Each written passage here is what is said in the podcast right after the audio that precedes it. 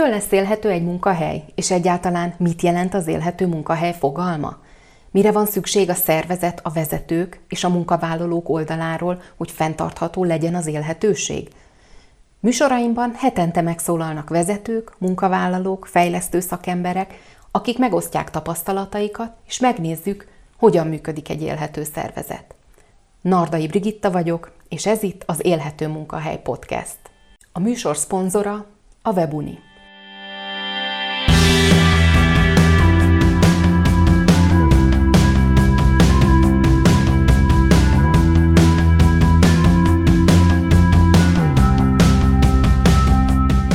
Tanulj és taníts bárhol, bármikor. A Webuni hazánk piacvezető online oktatási platformja.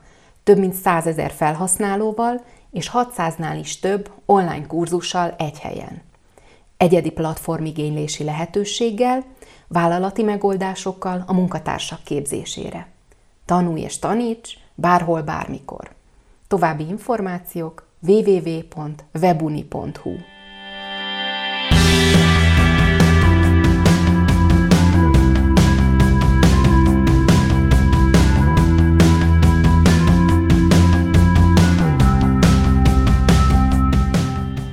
Köszöntelek, kedves hallgató! Én Nardai Brigitta vagyok, és ez itt az Élhető Munkahely Podcast.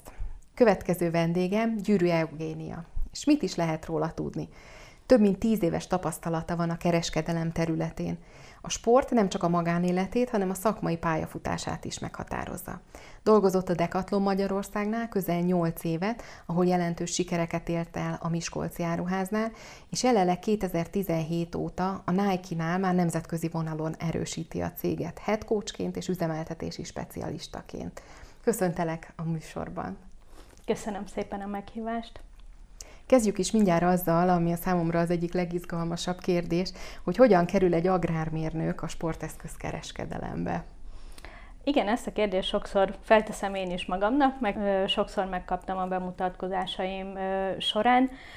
Alapvetően én az egyetem után külföldre mentem nyelvet tanulni, és ott ö, jöttem kapcsolatba a, a sporttal, mint fitness termekben, mint értékesítési vezető, és amikor uh, 7 év külföldi távollét után most már lassan 16-7 éve hazaköltöztem, akkor, akkor szintén egy fitnessterem, majd pedig azután a Decathlon jött be az életembe, úgyhogy a, a, a sport, a, a fashion, ami nagy szerelem is volt mindig az életemben, az emberekkel való kapcsolattartása és fejlesztése az embereknek az így összekapcsolódott a sportkereskedelem területén, és szerelem lett, és maradt is mindmáig.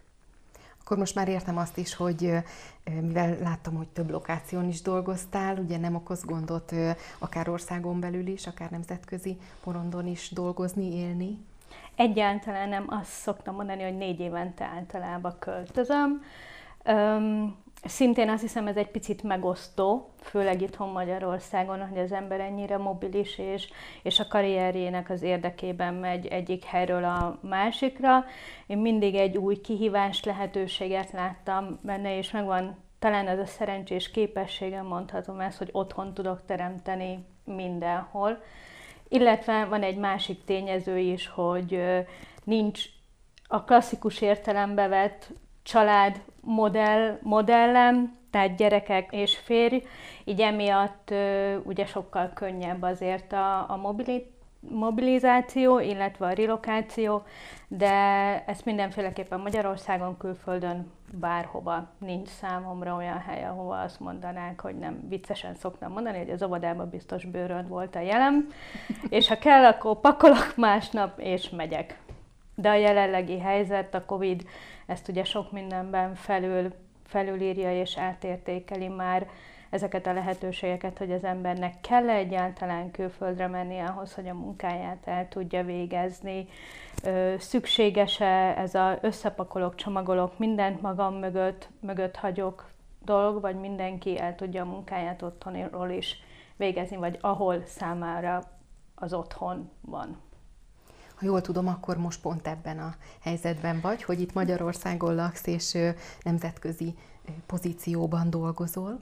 Igen, ez most így ö, alakult egyelőre hat hónapig, aztán meglátjuk, hogy ö, mi lesz. Ö, pár hónappal ezelőtt, vagy egy jó ö, fél évvel ezelőtt a terv az volt, hogy, hogy külföld, a Nike-nak az európai központjába, Hollandiába történt volna ez a kiutazás de aztán, mint sokunknak, sok mindenben, főleg a kereskedelmet nagyon érintett a, a, a COVID, és át kellett gondolni, hogy hogyan működünk, bizonyos pozíciókat honnét látunk el, és abban a szerencsés helyzetben vagyok, hogy a pozíció sikerült elnyernem, de nem relokációval, hanem itthoni home office munkakörből, ami számomra egy teljesen új dolog, hiszen eddig nap mint nap emberekkel voltam körülvéve, nem csak a közvetlen munkatársaimmal, hanem a vásárlókkal is, és most pedig ez a fajta kapcsolattartás egy technikai eszközön keresztül, úgynevezett Zoom meetingenken keresztül történik és valósul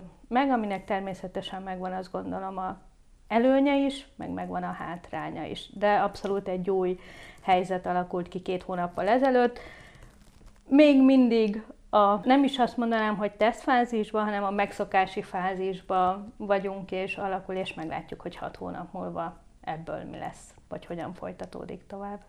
Említetted a home office-t, milyen kihívások vannak home office-ból dolgozni, mik lehetnek az előnyei, mik lehetnek a hátrányai? Um, teljesen új dolog, egy picit már akkor, amikor elindult komolyabban, vagyis megjelent a COVID 19 Magyarországon márciusban, a mi cégünk úgy döntött, hogy Európában az összes üzletét bezárja egységesen, mielőtt még bárhol komolyabban felütné a, a probléma magát, független attól, hogy Magyarország nem volt annyira veszélyeztetett országok között, de egységesen hozott egy döntést, hogy egész személyába 27 országban bezárta az üzleteit.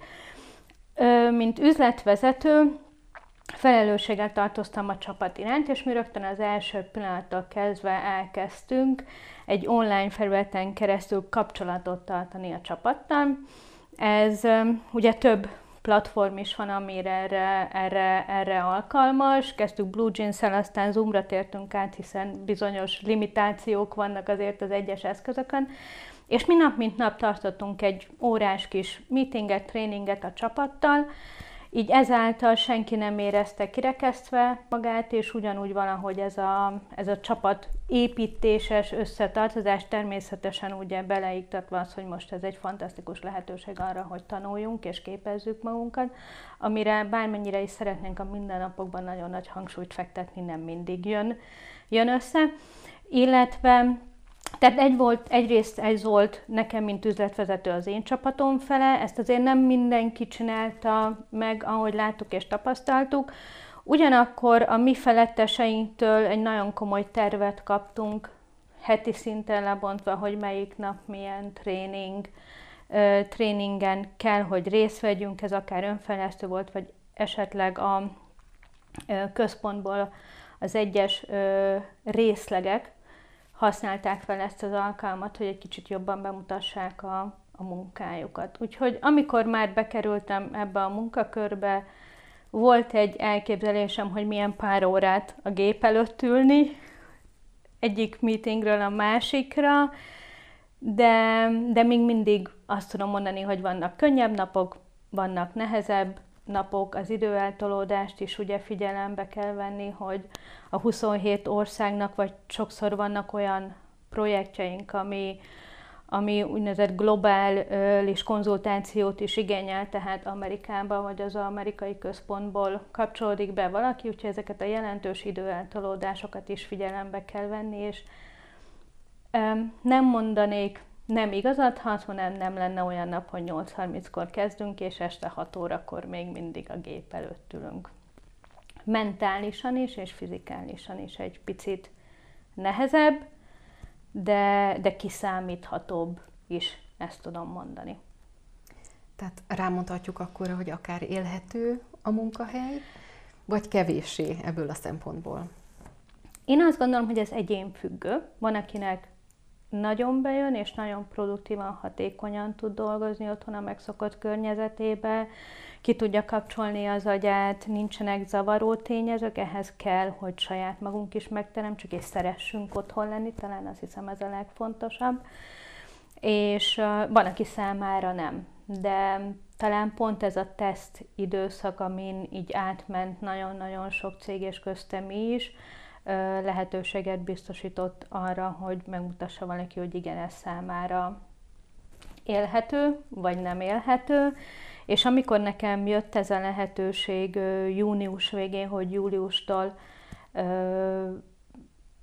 így kellene dolgoznom, hogy, hogy csak otthonról és, és egymagam, akkor tudtam, hogy az előzmények alapján nekem ez, ez működő képes. Viszont azt is látom, hogy két-három hetente szükséges, hogy valahova kimozduljak, vagy visszamenjek az üzletembe, hogy ott az emberekkel kapcsolatot létesíts, fizikális emberi kapcsolatot is létesítsek. Mit jelent számodra az élhető munkahely? Számomra talán a legfontosabb, hogy örömmel menjek be minden nap dolgozni, hogy ne úgy, ne úgy keljek fel, hogy ja Istenem, már megint munka, hogy ja Istenem, persze hétfő reggel mindig nehezebb, pont erről ma beszélgettünk, hogy hétköz, hétvégén annyira könnyű felkelni korán reggel, hogy az hihetetlen, és mikor hétfő eljön, akkor ez egy picit nehézkesebb, és ja Istenem, de jó lenne még egy kicsit ágyban maradni, de nekem a legfontosabb az, hogy szeressem, amit csináljak, az, hogy az hol van, és mi pontosan a feladat, az már azt gondolom, hogy változó, és ez egy adaptációs készség, hogy az ember ezt mennyire tudja adaptálni, de, de örömmel töltsön el. Hogy amit, amit csinálok, és boldogan csináljam függetlenül az, hogy most azt otthon a kis íróasztalon mellől csinálom, vagy fizikálisan bent az üzletből, ha még vannak nehezebb időszakok is. Szerinted milyen területek tartoznak ebbe a témakörbe? Élhető munkahely? Azt gondolom, egy olyan környezetet teremteni, mint én többségében az életemben vezető beosztásban dolgoztam, és mindig fontos volt, kicsit ez most nagyon felkapott szó, ez a well-being, hogy, hogy olyan környezetet teremtsünk, ahova jó bemenni.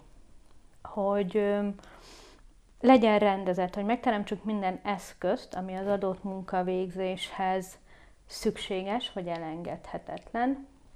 Nem kellenek a legfenszibb vagy a legmodernebb, ultramodern technológiák, de, de lehetőség szerint figyeljünk arra, hogy minden meg legyen ahhoz, hogy az adott napi munkát el lehessen végezni, tiszta, biztonságos környezet. Nekem talán ez az egyik veszőparipám is fogalmazhatok így, hogy én nagyon szeretem a rendet magam körül. Bár sokan mondják, hogy a zseni a káoszban is kiigazodik, és ugye ez vicces, mert hogy a becenevem zseni, de nekem ez nem, nem megy. Mielőtt valami komolyabb dolognak nekülök, nekem kell a rend, kell a tisztaság magam körül, és uh, és hogy tudjunk a, a, mind a hét, hétköznapokba, vagy egy picit a hétköznapi rutinba, a mókuskerékbe, ahogy szoktuk mondani, egy kis csintalanságot belívni, egy kis vidámságot, ne felejtsünk el viccelődni, megdicsérni mindenkit, és elismerni a munkájukat. Egy kérem, köszönöm, hatalmas ereje van ezeknek a szavaknak, de nem csak maga a szavaknak, hanem a hangsúlynak is, ahogy ezt, ezt, ezt mondjuk.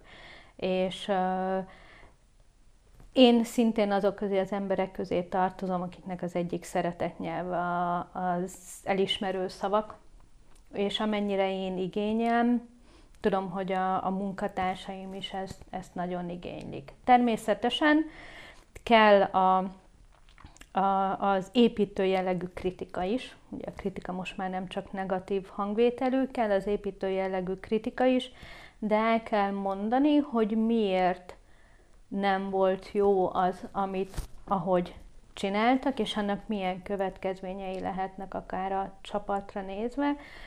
És mindig azt szoktam mondani, hogy ugye a kereskedelemben nagyon fontos, hogy mindenkit úgy szolgáljunk ki, hogy ők szeretnének kiszolgálva lenni.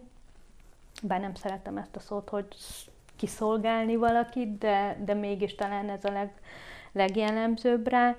Illetve hogy mindenki úgy végezze a munkáját, hogy a többieknek többlet munkát ne okozzon. És hogyha ezt figyelembe tartjuk, és, figyel, és betartjuk, akkor azt gondolom, hogy egy közösség minden tagja örömmel fog tud bejönni a munkahelyére, és élménnyel függetlenül attól, hogy lehet napi 10 órát ruhát kell neki válfázni, vagy 10 órát kell egy meetingen lennie, vagy tréninget kell tartania, vagy a vásárlónak kell adni cipőt, vagy a kasszába állnia. Már néhány dolgot említettél azért, de mégis mire van szükség, mit gondolsz a szervezet, a vezetők és a munkavállalók oldaláról, hogy fenntartható legyen hosszú távon ez az élhetőség? Mindenki, aki a, a csapatban dolgozik, mindenkit egyénileg kell kezelni. Mindenki egy külön egyéniség. Vannak olyan dolgok, amik azt gondolom, hogy muszáj, hogy ugyanúgy végezzük a biztonságunk és mások biztonsága érdekében, és vannak dolgok, amik nem kérdőjelezhetők meg. De az, hogy azt valaki hogyan végzi el pontosan, mennyi idő alatt végzi el, ahhoz tudnunk kell és tisztába kell lennünk az adott embernek a képességeivel és ahhoz mérten kell mindenkit önmagához mérten kell vizsgálnunk, szemlélnünk, értékelnünk, és nem, nem egy nagy általánosságba fogalmazhatok így. Talán azt gondolom, hogy ez a legfontosabb, hogy felismerjük az egyént a nagy közösségben. Szerinted mi kell ahhoz, hogy egy munkavállaló jól teljesítsen, vagy hatékonyan? Te mivel tudod motiválni a beosztottaidat? Jó kérdés, néha felvetem magamnak, hogy tudom én őket egyáltalán motiválni? Ez azt gondolom, hogy minden vezető életében el, előjön, mert lehet, ami engem motivál, az őket nem motivál. Ö, vagy nem motiválja.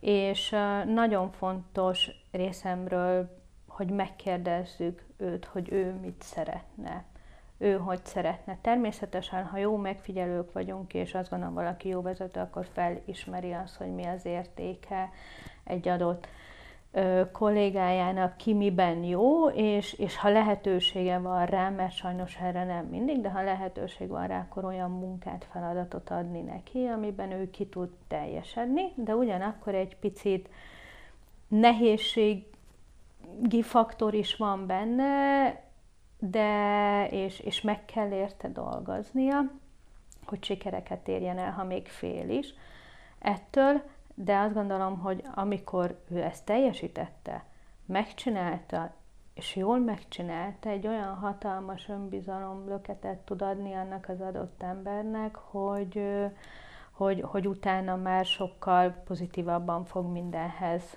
hozzáállni. De ahogy mondtam, hogy ez nem mindig van rá lehetőségünk. Sajnos ez nagyban függ ugye az a vállalat szerkezeti struktúrájától, a nyitott pozícióktól, a lehetőségektől, és hogy mennyire, nem azt mondom, hogy kocka egy szervezet, de hogy milyen szabályok vannak, és milyen, milyen keretei vannak.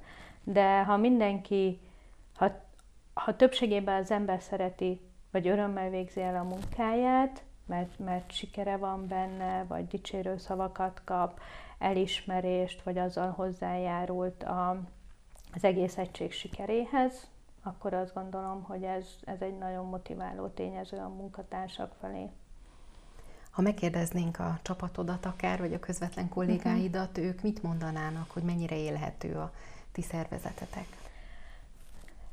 Én azt gondolom, a kereskedelem nagyon szezonális időszak, ilyen szempontból,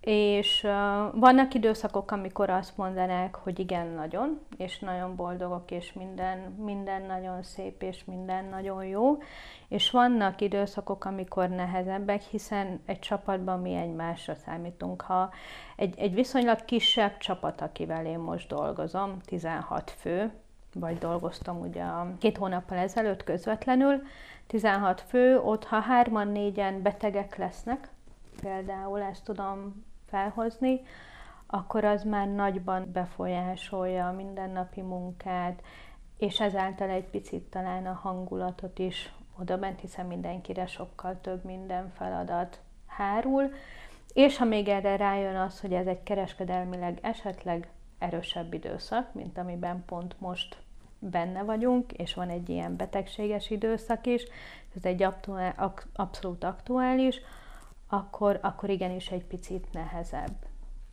De ezen kell a vezetőnek segíteni és átlendíteni a csapatát, és, és nem, nem is tudom, hogy Hát igen, vezető, ugye az angolnak nagyon jó kifejezése az, hogy lead, leader, hogy tényleg a, mi a különbség a líder és a boss között, hogy nem megmondja, hogy mit kell csinálni, hanem ő is beáll a csapata élére, és csinálja velük együtt, és lelkesíti őket.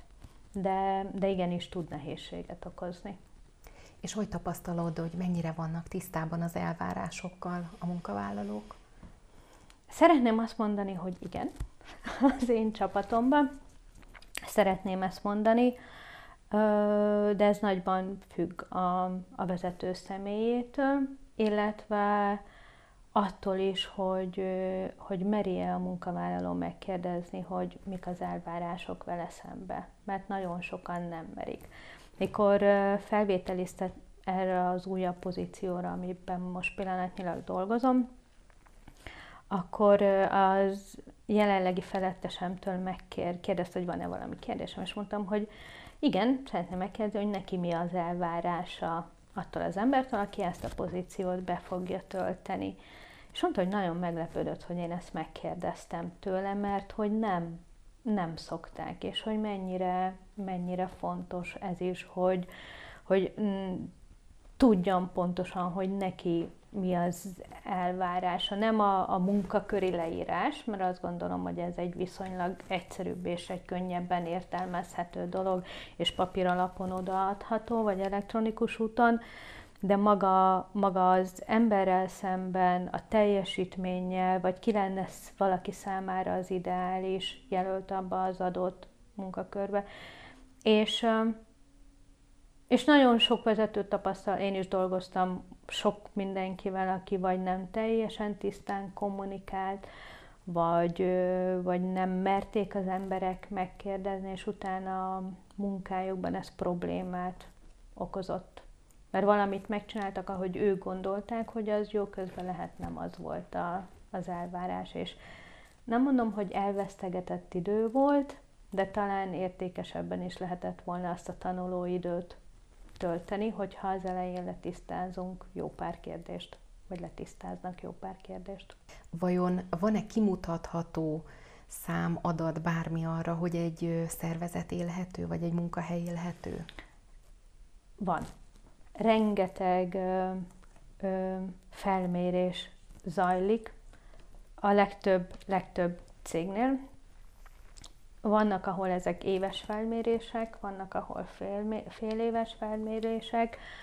Ö, nagyon fontos, hogy külön válasszuk azt, ami a cégen belül a saját dolgozói által készíti el a cég, azt, hogy elégedettek a körülményekkel, akár a fizetéssel, a feladattal, mennyire érzik azt, hogy ez motiváló és inspiráló számukra, vagy akár ha karrier céljaik vannak, azok elérhetők-e illetve vannak más egyéb, vannak olyan felmérések is a cégeknél, amit pedig, mint egy ilyen, nem az egyik ugye az az employee branding, a másik meg mint a, mint a cég branding, hogy, hogy a kívülállók mit gondolnak, hogy ez az adott cég mennyire családbarát, munkahelybarát, és ha ez a kettő felmérésen azt gondolom, hogy közel azonos vagy hasonló eredményt hoz, akkor csinálja a cég jól. Hogy van jelen a mostani szervezetedben az élhetőség? Um, azt gondolom, hogy nagyon. Ugye sport, uh, szintén egy sportszerkereskedelmi cégnél a világ egyik legnagyobb sportszerkereskedelmi cége a Nike. Uh, elengedhetetlen, hogy, hogy kapcsolódjon a sport, a magánélet és a munka, munka egyensúly valahol. És egy másfél éve kezdtük el azt a kampányt, hogy Make Sports a Daily Habit, hogy ha csak 10-15 percre is, de mindenki napi szinten foglalkozzon, egy sportoljon valamit, felfrissüljön. És nem nagyon nehezen tudom végigcsinálni azokat a napokat, őszinte leszek, amikor nem mozgok egy kicsit, nem megyek kisétálni. Szeretném azt mondani, hogy minden nap el tudok menni sportolni, a naptáramban minden nap bent is van, hogy emlékeztessen rá, de hogy meg kell találnunk azt, azt az időpontot, amit csak magunkra fordítunk, hogy feltöltődjünk, és hogy ez egy séta, az egy nagyon kemény crossfit edzés, vagy biciklizés, vagy bármi, de azt gondolom, hogy, hogy elengedhetetlen, és teremteni is kell azokat a lehetőségeket, hogy, hogy ez mindenki számára elérhető legyen. A, az üzletbe, ahol, amit vezettem, ott a csapatnak a 70%-a napi szinten sportol, fiatalok. És a beosztásukat mindig úgy igazítottuk, hogy tudják, tudják, ha valaki versenyszerűen sportolt, akkor a meccsekre el tudjon menni, csinálja. Volnak sokan, akik komoly sportmúltal rendelkeztek, de ha csak a napi szinten. A, a cég megteremtette azt a lehetőséget, hogy a munkavállalóiknak kedvezményes sportolási lehetőséget tud biztosítani, amit ki is használnak nálunk ezt az elmúlt egy évben kerestük, hogy mit tudunk olyan extrát adni a, a munka, munkatársainknak, hogy ez a Make Sports a Daily Habit ö, megvalósuljon. És vannak olyan kollégák, akik, akik napi szinten mennek edzőterembe, edzenek, munka előtt, munka után, arra is van lehetőségük, hogy napközben, hogyha gondolják, akkor hosszabb szünetet vesznek ki és elmennek. Fontosnak tartom, hogy a feladatok ugyanúgy el legyenek intézve és meg legyenek, de, de, de biztosítjuk a lehetőséget. És home office ez egy picit nehézkesebb, főleg ha határidős feladatai vannak az embernek, és nagyon sok nemzetközi projektben is részt vesz, de ez pedig a tudatosság, ezt az embernek saját maga kell eldönteni, és tudni, és tudni kell nemet mondani, vagy egy meetingre azt mondom, most nem ülök be, mert már mert, mert el kell mennem, mert ennek komolyabb következményei lesznek hosszú távon. És abszolút ez is az élhető munkahely kategóriájába tartozik. Én azt gondolom, hogyha és, és egy plusz juttatás az emberek számára. Nagyon sokan azt látják, hogy motiváló tényező csak a pénz, csak a fizetésemelés, csak a bónusz. Természetesen kell az is, hiszen azt napi számlákat abból kell kifizetnünk, de rengeteg olyan plusz eszköz és motiváló tényező van a munkáltatók kezében, amivel, amivel élhetőbbé tud tenni egy munkahelyet, és nem fog az az ember 5-10-15-20 ezer forint többért átmenni máshova. Zárásképpen következzen néhány gyors kérdés. Hány órát töltesz önismerettel, önreflexióval? Mondanám azt, hogy sokat. Nem minden dolgomat elemzem ki, azért ennyire nem, nem vagyok, de sok olyan témájú könyvet olvasok, amiből, amiből tudok, tudok tanulni, és uh, eddig minden egyes vezetőm kiemelte azt, hogy mennyire jó hallani azt, hogy tisztában vagyok az erősségeimmel és a gyengeségeimmel, hogy tudom, hogy mi jó és mi nem, és nem félek azt felvállalni. Az már egy más kérdés, hogy nem mindig jutunk el ahhoz a ponthoz, hogy az, azon túl is lépjünk, vagy megvalósítsuk, hogyha valami, ami, ami nem annyira jól megy, vagy változtassunk azon, ami nem annyira jól megy, de, de azt tudom mondani, hogy talán egész jól ismerem magam, hogy tudatosan ö, heti szinten foglalkozom vele. Meditálok esténként, ami szintén egy, egy ö, olyan dolog, ami az önismerethez ö, segít.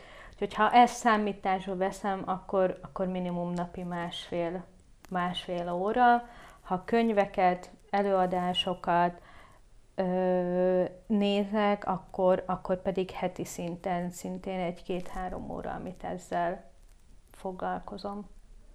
Mi a legmeghatározóbb munkahelyi élményed? Két évvel ezelőtt volt egy, egy fantasztikus élményben részem. Egy, ugye kereskedelemben dolgozunk, minden a végeredményről szól, bevételről és, és egyebekről. És volt két évvel ezelőtt egy kihívás az egész EMEA-n belül, ami közel 600 üzletet foglal magába. Egy forgalmi kihívás, negyedéves stádiumban hogyan hogyan ki tudja a legnagyobb növekedést az előző év ugyanezen időszakához mérten elérni. És uh, aki, megnyertem ezt a kihívást négy másik társammal együtt, ez közép-európai kihívás volt, amit én megnyertem 60 mm, üzletből, és, és a jutalmam az volt, hogy kivittek bennünket New Yorkba öt napra. Akkor nyílt az első House of Innovation üzletünk New Yorkban, ami a legmodernebb, szuperebb technológiákat és egy elképesztő ö, üzlet, amit ott felépítettek, és, ö, és oda sikerült az ügyvezető, az európai ügyvezető igazgatóval kimennem, és öt napot kint töltenem New Yorkban, ö, hálaadás és Black Friday időszakában, és ez egy elképesztő élmény, élmény volt számomra. Van példaképed? Édesapám és édesanyám. Mit tanácsolnál egy pályakezdőnek, aki kereskedelem területén szeretne sikereket elérni? Hasonló sikereket, mint te? Ö, alázatosság. Ö, próbáljon a know-how attitude, tehát hogy próbáljon mindent megtanulni, megismerni, úgy tudja tökéletesen az adott munkafolyamatot, feladatot, próbáljon utána járni, hogy mit miért csinálunk, és ezekre válaszokat keresni. Ne, ne féljünk megmutatni azt sem, hogy ki mik vagyunk, de tisztázni kell a határokat is. De összefoglalva, legyenek tiszta tervei az embernek, hogy mit szeretne, hova szeretne eljutni, és ne, ne legyen türelmetlen. Köszönöm szépen a beszélgetést. Nagyon szívesen én örülök a lehetőségnek.